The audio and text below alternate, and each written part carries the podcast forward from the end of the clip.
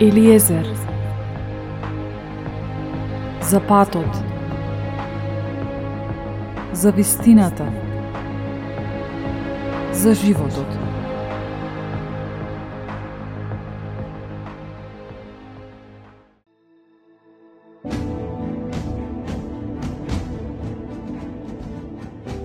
Мудрост Сирахова, 44 глава. Пофалба на предците А сега да ги прославиме славните луѓе и предците на нашиот род. Многу славни дела Господ објави преку нив во своето величие од века.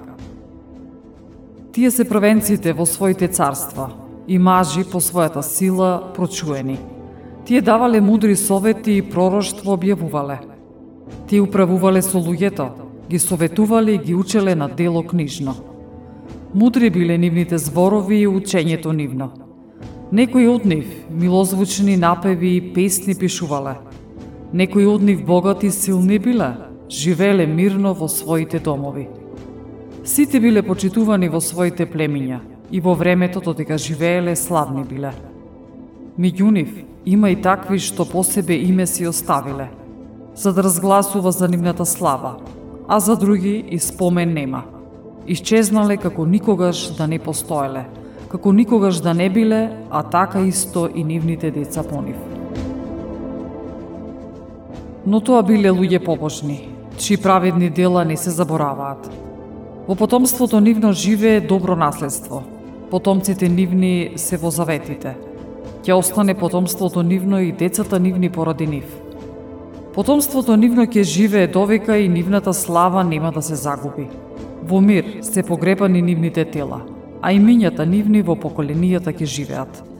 За нивната мудрост народите ќе раскажуваат и црквата нив ќе ги прославува. Енох на Господа му угодил и на небо беше однесен. Тој е образец за покаяние за сите поколенија. Ное се представи како совршен праведник. Во времето на гневот обновител стана. Затоа за време на потопот остаток на земјата стана. Завет вечен со него е направен. Од потоп ништо живо веќе да не загине. Аврам е големиот татко на многу народи. По слава нема сличен на него. Тој го запази законот на Севишниот и со него во завет беше – Тој заветот на телото свое го утврди и во искушенијата верен се покажа. Затоа Господ со заклетва му вети дека сите народи во потомството негово ќе ги благослови. Му вети дека ќе го умножи како правот на земјата, дека потомството негово како звездите ќе го издигне и дека на потомците негови ќе им даде наследство до море, до море и од реката до крајот на земјата. и на Исак, заради татко му Аврам. Тој го потврди својот благослов за сите луѓе и заветот. А тој застана и врз главата на Јаков. Тој штедро го награди со своите благослови и му ја даде земјата во наследство. Ја раздели на делови и во наследство му ја даде за 12 племиња. И од него произлезе човекот на милоста, кој придоби љубов од секое суштество. Мудрост Сирахова, 45 глава. Мојсей, сакан од Бога и од луѓето, чи спомен е благословен. По слава со ангелите го израмни, го направи со дела силен за страф на непријателите. По неговиот збор чуда стануваа, пред лицето на цареви тој го прославувал. Преку него на народот заповеди му дал и славата своја му ја покажал за неговата верност и кротост го освети меѓу сите луѓе за себе кој избра. Го достои гласот негов да го слуша. Во магла го воведе и лице в лице му ги даде заповедите. Законот на животот и знаењето, за да го научи Јакова на заветот и Израел на неговите заповеди. Тој го возвиши Арон, по светост личен на неговиот брат Мојсей од коленото Левиево. Со него вечен завет склучи и му даде на народот свештенство. Со особен благослов го украси, Со појасна слава го препаша, го облече во прекрасна облека, го украси со редки украси, во долна облека, во хитон и ефот. Го обкружи со многу златни калинки и со многу звончиња, кога оди милозвично да звонат, така што звонењето да се слуша во светилиштето како помена на синовите од неговиот народ. Го облече во света облек од злато, пурпурна волна и од препреден висон, дело на вешти мајстори. Целата извезена и градник со урим и тумим, со црвена ткаенина, дело на вешт мајстор, со скапоцени камења, изрезани како печат, во златен опков, работа на каменорезец, изрезани за спомен на имињата според бројот на израилевите племиња. На неговиот кидар, златен венец, знак на светињата, слава на достоинство, украс прекрасен, дело на вешти мајстори, радост за очите. Пред него немал такви никогаш никој, кој не припаѓал на неговото племе, не се облекувал така, туку така се облекувале само синовите негови и потомците негови за секогаш. Тие принесува жртви, секој ден спалувани, секој ден по два пати. Мојсей му ја дал свештеничката власт во неговите раци и го помазал со свето масло. Тој е вечниот завет се додека стојат небесата, да му служат на Бога заедно и свештеник негов да биде, да го благословува народот во името на Господа.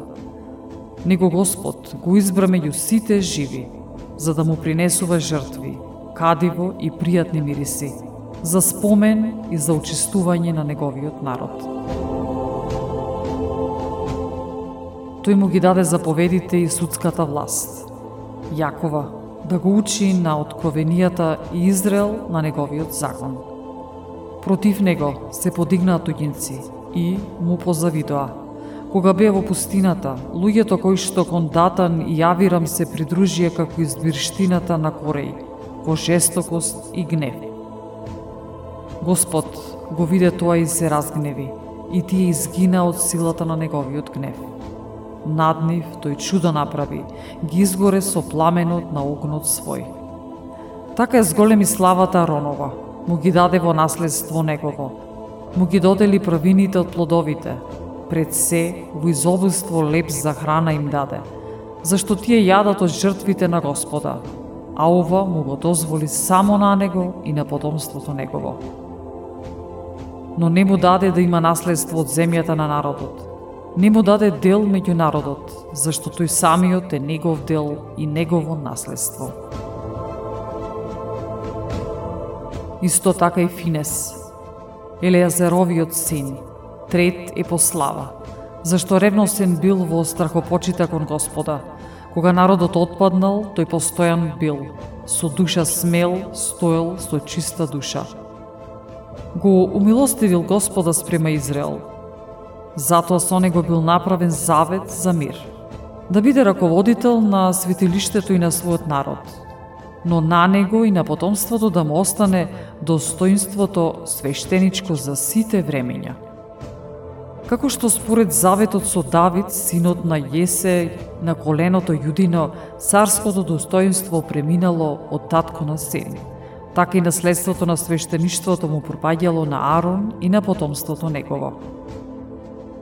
Господ да ви даде мудрост во нашите срца справедливо на народот да му судиме, за да не се загуби богатството негово и славата негова да остане на неговите потомци.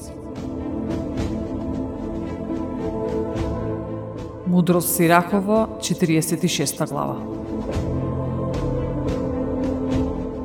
Храбар јунак во борбите беше Исус, на виновиот син и во пророштвата наследник на Мојсеј. Според своето големо име тој се покажа како голем избавител на Божите избраници, одмаздувајќи им се на востанатите непријатели. И така Израел да го воведе во наследството негово. Колку се прослави кога рацете своји ги издигна и кога мечот свој кон градовите го пружи. Кој бил некогаш како него? Тој борби господови водел. Не застанало ли сонцето од раката негова и од еден ден не станаа ли два? Севишниот Бог тој го повика, кога од сите страни непријатели го беа обкружиле. И Господ гласот негов го послуша. Град како камење пушти од небото врз непријателите и ги порази противниците по падините на планината. За да го познаат незнабошците оружието негово, дека борбата се одвивала пред Господа – тој самоодел по сесилниот. И во деновите на Мојсей добро дело направи, тој и Калев. Јефунеовиот син, кога им се противставија на разбунтуваните, народот го задржа од гарев и ги смирија гласовите на побуната. Од 600.000 што патуваа, само тие двајца беа спасени, за да го воведат народот во ветената земја, таму каде што тече мед и млеко и му даде Господ на Калев сила, кое што до старост остана во него, за да се искачи на височините земји кои што се наследство на неговото племе, за да видат сите синови израелски дека е добро по Господа да се оди. Така и судиите, секој според своето име, чии срца верни на Господа беа и од Бога не отстапуваа, споменот за нив благословен нека биде коските нивни да се расцутат од гробот. Славата на нивното име нека премине на нивните синови, за нивно прославување. Миленикот Господов, Самуил, негов пророк, основа царство и за народот свој цареви му помаза. Според законот на Господ, тој му судеше на народот. И Господ го посети Јаков. По својата вера беше вистински пророк а според она што говореше, вистински предвидуваше. Кога народот од секаде беше притиснат, кон Бога во неволјата своја повика и младо јагнена жртва принесе. Тогаш Господ од небо силно заграми и во силната бучава се слушна гласот негов. Ги погуби водачите тирски и сите кнезови филистејски. Пред него да се пресели во вечниот покој. Тој посведочи пред Господа и пред неговиот помазаник. Од никого имот не сум зел, дури ни обични обувки. И никој не го обвини. И по својата смрт пророкуваше, на царот крајот негов му го објави. И во пророкувањето од земјата гласот свој го подигна, за да го отстрани беззаконието во народот.